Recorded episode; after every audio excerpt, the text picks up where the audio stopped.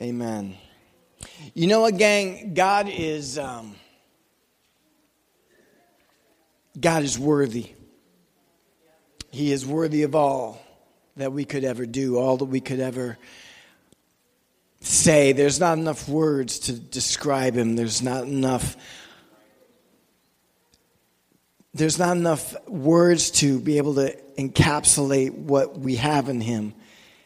And we need to worship the King. Amen. Amen.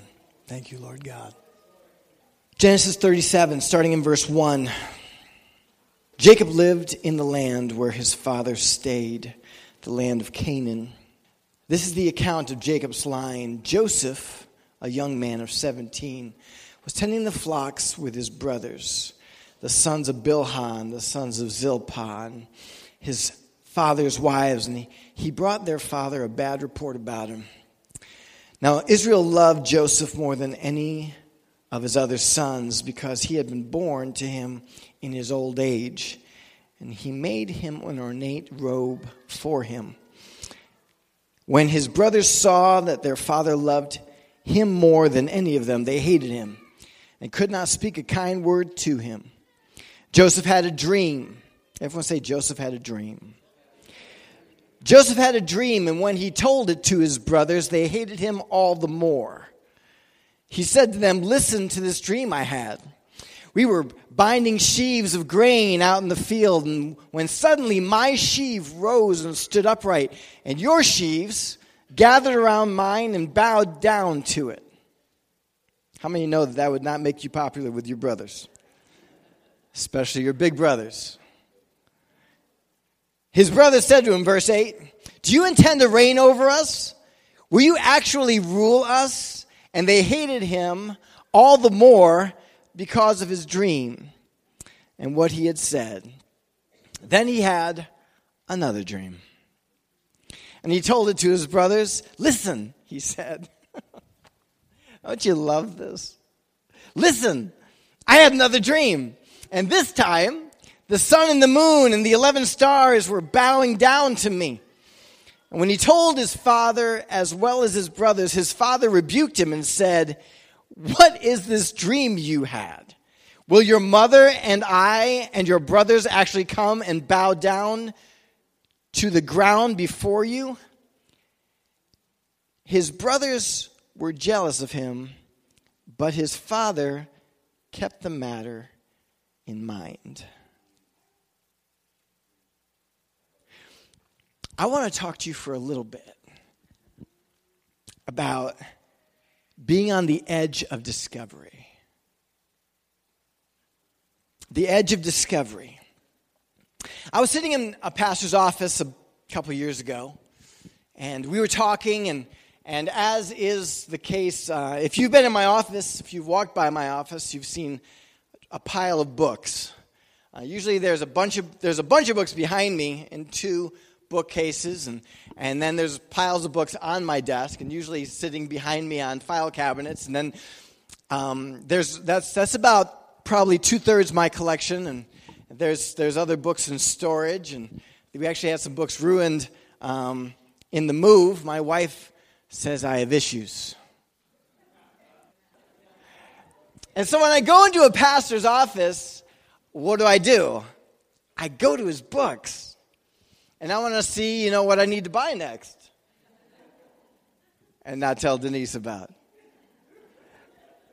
And um, so I was, I was in this pastor's office, and I'm, I'm looking at his books, and, and something caught my eye. A title that was kind of unusual, but I knew exactly, at least, what it meant to me. The title was simply this 1491. 1491. Now, for those of you who are at all historians, what you will know is that in 1491, nothing happened. But in 1492, the world changed. For all of you who remember from your uh, elementary school years, the rhyme that your teacher may have told you and taught you that in 1492, Columbus sailed the ocean blue. It was in 1492 that Columbus arrived at the Caribbean islands, thinking he discovered a new passageway to India that was going to make him incredibly wealthy, going to open up the doors for trade at a faster pace for the European markets, that was going to revolutionize trade. But see, long before he journeyed across the ocean in 1492, he'd been journeying a long while before that. Born in 1451 in Genoa, Italy, Columbus at an early age fell in love with the sea and by the time he was a teenager was already a sailor sailing the seas. In 1479, Christopher Columbus married a, noble, noblewoman, excuse me, named Philippa Moniz. Her father had been an explorer who had been part of the company that had discovered the Madeira Islands. And when they got married, Philippa took all of her father's charts and maps and presented them as a gift to her new husband. And something happened. Suddenly, there was a dream that was hatched inside of Christopher Columbus that he would become an explorer himself and would chart new territories, would, would find new avenues of trade, and, and make his mark in the world. But for years, from that point forward, in 1479 to years, years, and years later, he had been rejected constantly. When he would go to propose to a king, that he become, you know, a patron, that they become patrons of his, that they would actually provide him the funds and the means to be able to go and, and make this dream a reality constantly he was shut down. In the midst of all of this time, his, his wife, Philippa, ends up conceiving a baby and they have a son, but shortly thereafter she dies. Distressed and, and hurt, he moves to a new city, opens another store where he's selling maps and charts. See, he couldn't fulfill his dream of getting out there, so he just showed other people the way. But see, he keeps on keeping the dream in front of him. He keeps on going out there and trying to get someone to sponsor this expedition. He moves to Cadiz in Spain and finds another lady that he ends up marrying, Donna Enrique de Arana from Cordova in Spain. And at that point, he then proposes to the Spanish king that he go on this, this journey. And again, he's turned down. The next year, 1487, he proposes this same venture to the King of England and the King of France, and both decline. In 1491, he goes again to the King of Spain. He asks if they would sponsor this trip, and they shut him down once again. But something interesting happened. A priest named Father Perez came to King Ferdinand and Queen Isabella and stated that if they would sponsor this, this man to go to this new route, that it would create an opportunity for the gospel to be preached to people who've never heard it. King Ferdinand and Queen Isabella were very faithful followers to their understanding at that point in history of Jesus Christ and the gospel of the kingdom. And based on that recommendation by that priest, that it would be able to open new avenues for the mission of the kingdom to go to, and into new places. They sponsor Columbus's venture. And the rest, as you say, is history. In 1491, Columbus was on the edge of discovery, but he didn't know it. He had a dream, he had a desire, but only God knew that he was really just on the edge of, of brand new things, that the dreams that he had, that the dreams that he had dreamt from the time that, that he was married to his first wife, Philippa, that when she gave him those charts and he saw the, the, the, the coursing of the waves and, and the tides and, and their flows in the, in the seas, that when that seed was planted in his spirit, he didn't know in 1491 that it was going to produce fruit the next year. And we can look back now in history and we can say, well, of course.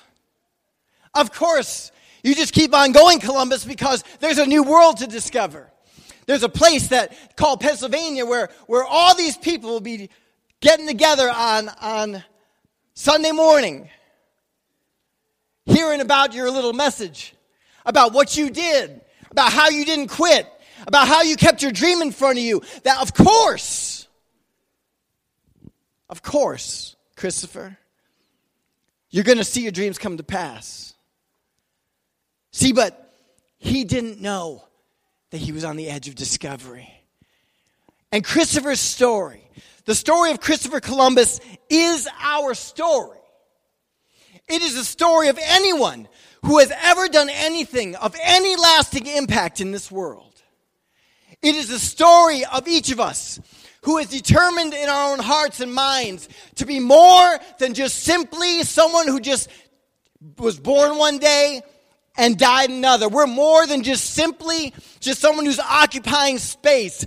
There is a people in this room who is determined in your hearts that you're going to be more than just somebody who's taking up room on this planet. That you are going to become world shakers. You're going to become planet shakers. You're going to become history makers. You've got to determine that it is going to come to pass because God has a plan. Pick any story in your Bible, any one. Pick any great historical figure from Scripture. And I promise you this one thing they have gone with a dream, and then they have gone through the trials, but they have arrived at the promise. Each of us in this room, right now, God has promise inside you. You may not even know what it is yet. You may be sitting here today, you may have no clue of what God really wants to do with you. But I will tell you this, you feel something. You know that from the time you were just a child that there were things in you that God had for you. And you may not have even called it God. You may have just said you had a dream, you had a desire, you had something burning inside you to do something that would make a mark, that would change somehow the world. And what I want to tell you, God has promise in you. And we have got to determine to go for it. Each person in Scripture had a dream. But there is only so far that you can take a dream. You can only take that dream so far, and that dream can only take you to so long in that journey. It will lead you to the, the very edge of discovery, but no further. For it to take you to destiny, for you to arrive at your place, it has got to become more than just your dream. It's got to become his dream. To really understand this, I want to just kind of lay out to you Joseph's story. As we read, and if you don't know Joseph's story, it's, it's really fun. Uh, you, you can read about it in about Genesis 37 on to the very end of the, the book of Genesis. It's a very, it's one of the longer stories in Scripture. We follow Joseph from being a young man of 17 all the way through to his dying day.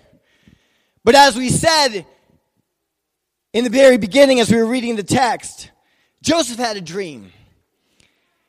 He had a dream, and in that dream, his brothers, his older brothers, were going to be bowing down to him. They were going to come and they were going to bow before him. Now, what you got to understand is this in ancient Israel, kind of like today, even, you know, big brothers don't like bowing to little brothers. You know, which, which might be, you know, a problem in the Hale family because Gavin's all kinds of big. I mean, big brother and little brother maybe just bowing down like next month. I don't know. But but um, it's just not it's not the course of life. Big brothers don't bow to little brothers. It just doesn't happen, especially in ancient Israel. In ancient Israel, the oldest son became the primary inheritor. If you don't know anything about how this all worked, what they would do is they would divide. If you had an inheritance, if you were uh, a father of, say, 12 sons, like it was with, uh, with Israel, what would happen is the oldest boy who would be Reuben. He would get half of everything dad had. And then the other 11 would get the other half.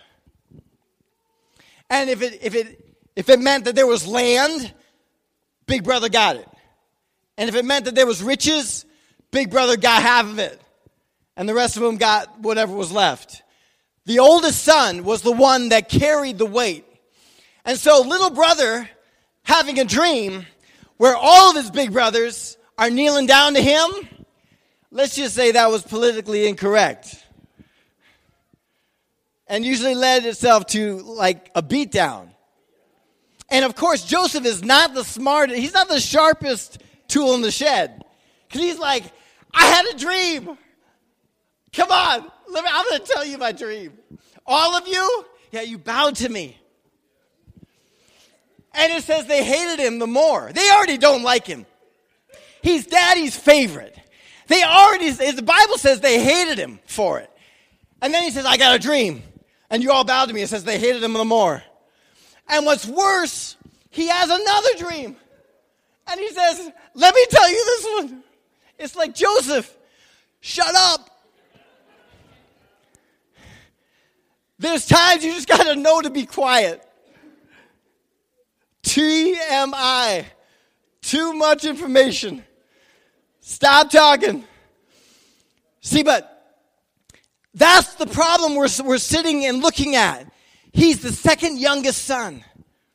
And, and this, this hatred that's there ends up opening up this can of worms in his life. Daddy calls him and tells him to go check on his big brothers because he's already busted them out. He's already told them that they're not doing what they're supposed to be doing. So, so Israel takes Joseph and says, Go and check on your brothers. So he goes and checks on them. And he ends up sold as a slave. It's a long story. I'm going to paraphrase it. But he ends up sold as a slave by his own brothers. It was either that or kill him. They decided to make some money off him rather than just have his blood on their hands.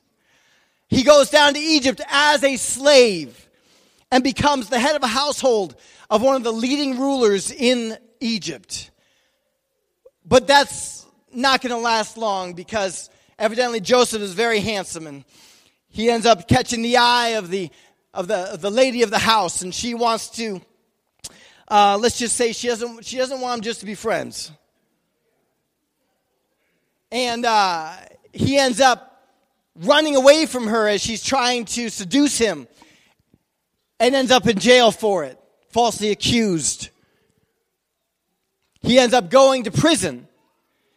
And he's there for a number of years. And at that point, most of us would have quit.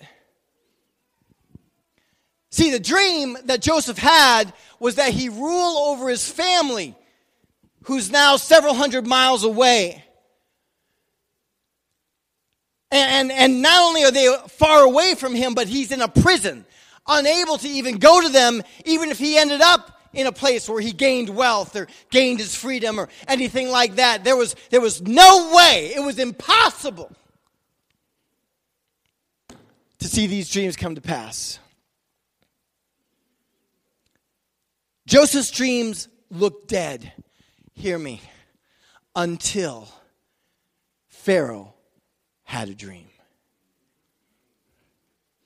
Genesis 41, verses 1 through 4 say this When two full years had passed, Pharaoh had a dream. He was standing by the Nile. When out of the river there came seven cows, sleek and fat, and they grazed among the, the reeds. And after them, seven other cows, ugly and gaunt, came up out of the Nile and stood beside those on the riverbed. And the cows that were ugly and gaunt ate up the seven sleek, fat cows. Then Pharaoh woke up. Dropping down to verse 15. Pharaoh said to Joseph, I had a dream and no one can interpret it. But I have heard it said of you that when you hear a dream, you can interpret it. Joseph says in verse 16, he says this I cannot do it. Joseph replied to Pharaoh. But God will give Pharaoh the answer he desires. See, Joseph had become so accustomed, so acquainted with his dream, that he gained the gift to be able to see into other people's dreams. When it says two full years had passed, Pharaoh had gotten mad at, at his butler and his baker. He sent them to prison too. And they both had dreams one night. And all of a sudden, they're, they're talking about their dreams one morning, and, and, and Joseph hears them and says, Tell me your dreams, and I'll tell you what they mean. And so the butler and the baker, they, they tell the dream to Joseph. And Joseph tells them straight out what the dreams are. And one of them's to die and one of them's to live. And, and the butler who lives is going back to work for Pharaoh. And, and Joseph says, Hey, remember me, man. Tell Pharaoh about me. I'm, Remember, I did you good and I told the truth and told you about your dream. Tell Pharaoh about me. See, sometimes it looks like you might be getting out of your trial. and you're just going for like chapter 13, right? you, you, you, thought, you thought you were getting out, you know, like, woo! Man, we just knocked it out of the park and just, yeah! And say, I'm, I'm out. I'm gonna be, it's gonna be good now and then you just turn the page and you're still in prison. Two years after he interprets the dream, God gives Pharaoh a dream. And when God gave Pharaoh a dream, and Pharaoh had no answer for his dream, it pricked the heart of the butler, and he remembered someone who had the answer that Pharaoh needed. So basically, Pharaoh says to him, I hear you can interpret dreams. I'd have been like, Yes, I can. Come on, tell me your dream, because this is my ticket out of here, baby. He didn't do that. Joseph simply interprets, and he, he doesn't even interpret initially. He says, I can't do it. But God will give you the answer. See, folks, this is the thing Joseph lost something in prison, he lost himself. There was something that happened somewhere along the way. We don't read about it. There was, there was no moment that's recorded in the text. We don't see it on the outward. We just know its results because when Joseph comes into the presence of the one who can set him free instead of being like, yes, this is my destiny. Yes, I'm the one who's going to be the one who's going to give you the answer. Instead of it being, hey, let me tell you my dream. He says, tell me your dream, and I'll tell you what it means. Joseph lost something. He surrendered himself to God and to his purposes. So much so that after he interprets Pharaoh's dream, he says, what Pharaoh says, What would you have us do? What should we do now?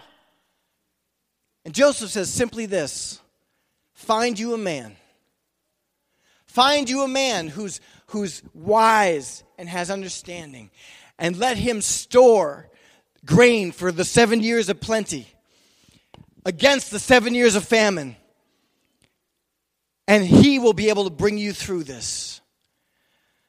You see, he didn't say, I'm the man. He didn't say that I'm the one.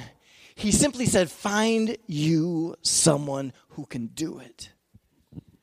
And Pharaoh said, Is there anyone greater than this one? When we have a dream, it is our dream alone.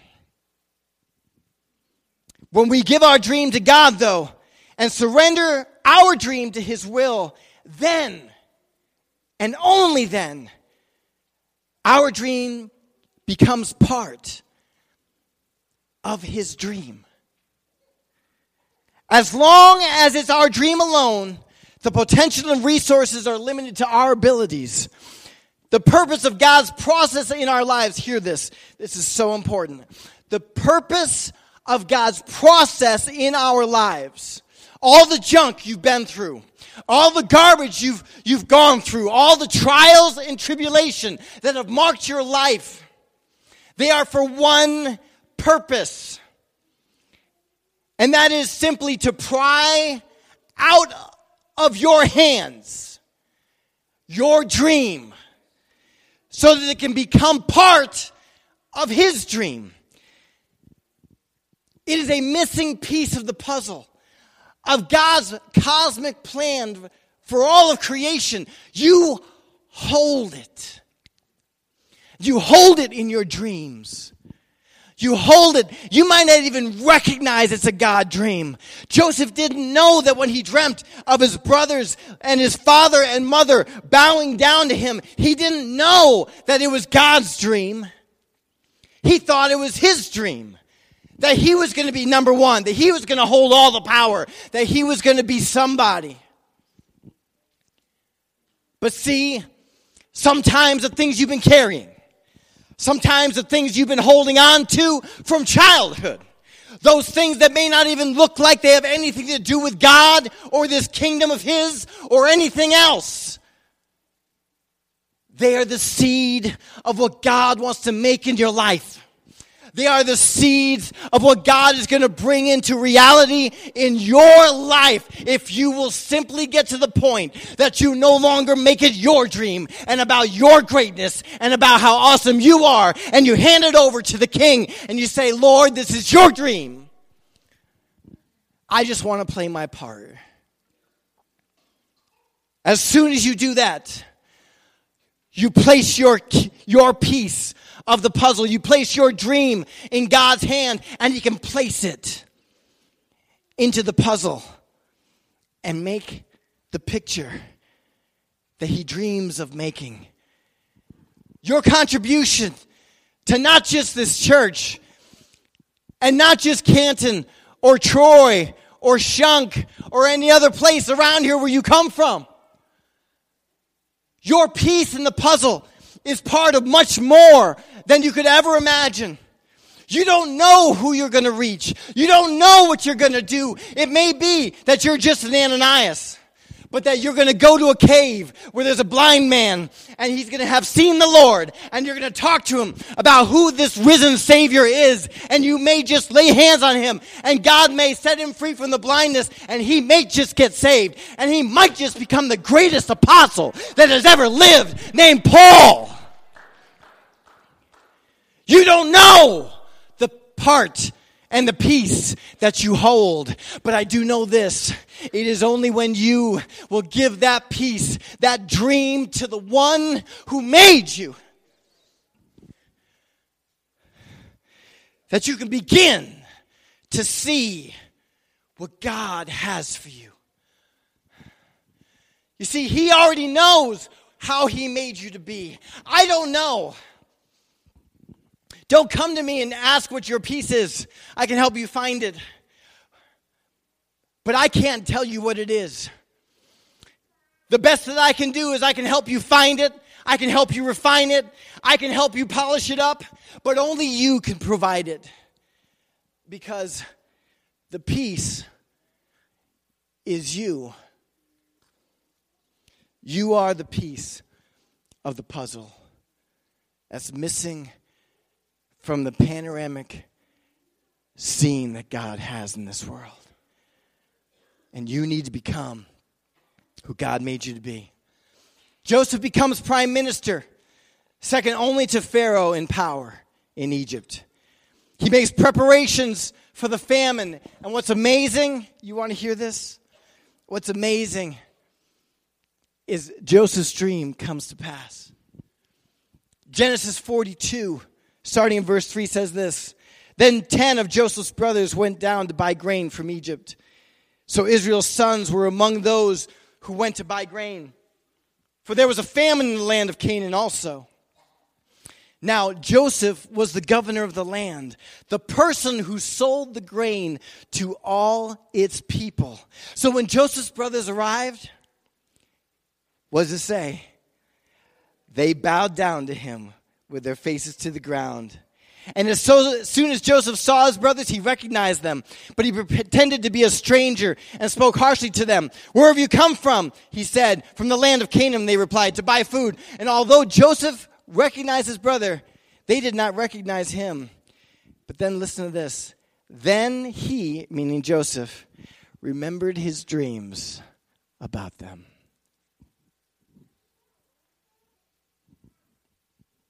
There's people here, and you've never known how God was going to do what's really in your heart.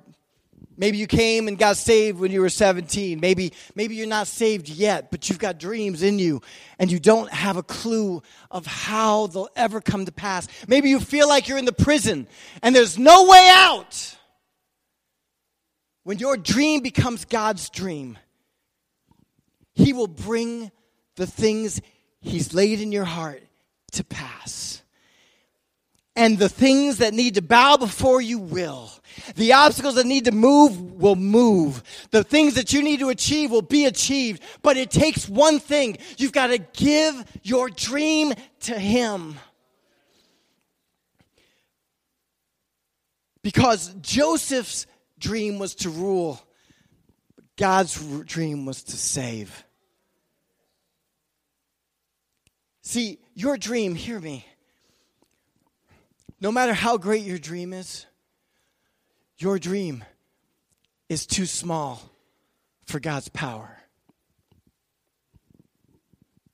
Your dream is too small to warrant God moving for. But when you make your dream his dream, he will move heaven and earth to bring those dreams to pass. Not because you're so wonderful, and not because you're so cute or so smart or so, or so articulate, but because He has a plan. He has a people who need saving. There's an Israel who's dying of hunger in about a land about 400 miles away. And they hear that there's food in Egypt. And so they send 10 sons to come get some food and those 10 sons bow to the one God gave the dream to, to save them. What's amazing, folks, is when you bow to God's dream, it saves you. When Joseph gave himself to God and his purposes, his dream came true. The edge of discovery the title of this message. It is the edge of finding out who God created you to be.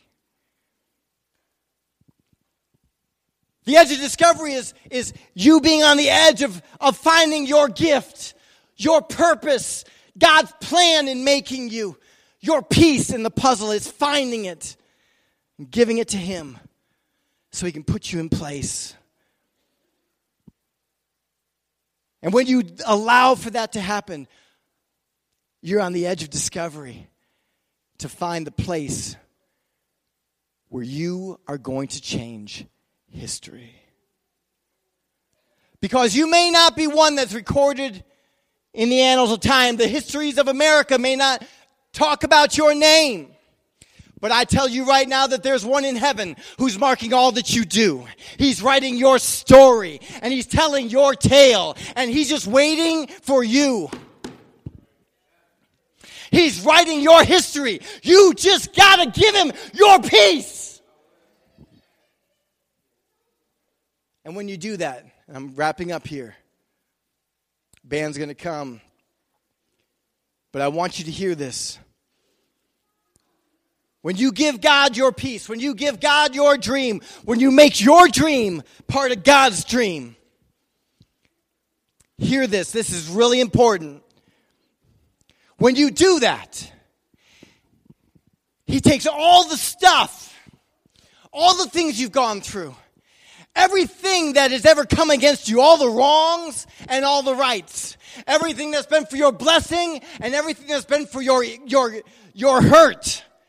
And he takes it all and he makes it work for his good. Romans 8 29 says this, and we know that for those who love God, all things work together for good.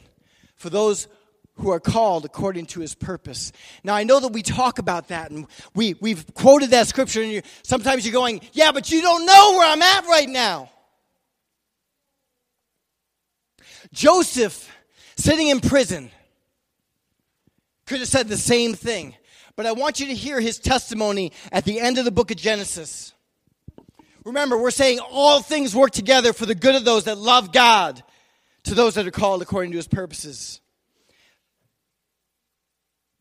Listen to what Joseph says Genesis 50 20.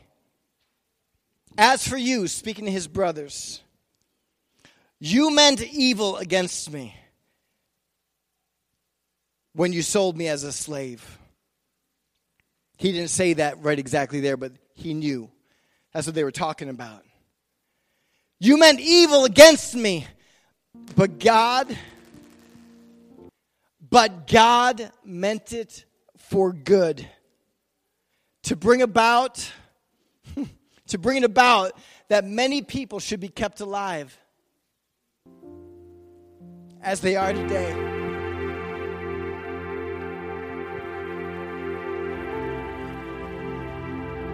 You don't know. What you're going through, you're going to look back You'll be able to look back and say, Yeah, that was hard, that was hard, that was hard, that was hard. But then you come to the place where God establishes you in your place in the kingdom. He snaps you into place, and suddenly His power and His purpose is accessed in your life. And suddenly, all the things you've gone through, all the trials you've been through, all the wrecks you've gone through, all the hurts, all the pain, everything you'll look back with Joseph and say, they meant it for bad, they meant it for evil, but you meant it for good. And you're going to see behind you allow God to place your dream in His dream. You'll see people coming to this church and to others that when they say, How did you come to know Jesus Christ? They say, It was Bob Henderson. He led me to, the Lord. It was Alden Peters. Led me to the Lord.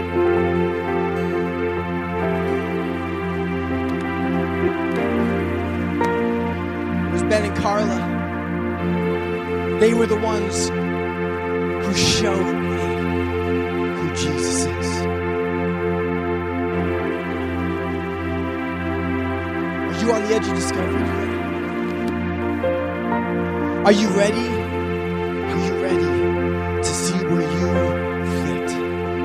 Because it takes this one thing. It takes you determining to give your piece, your dream to Him. It may not always be easy. And you may end up in a pit or in a prison but eventually, you end up with places for you.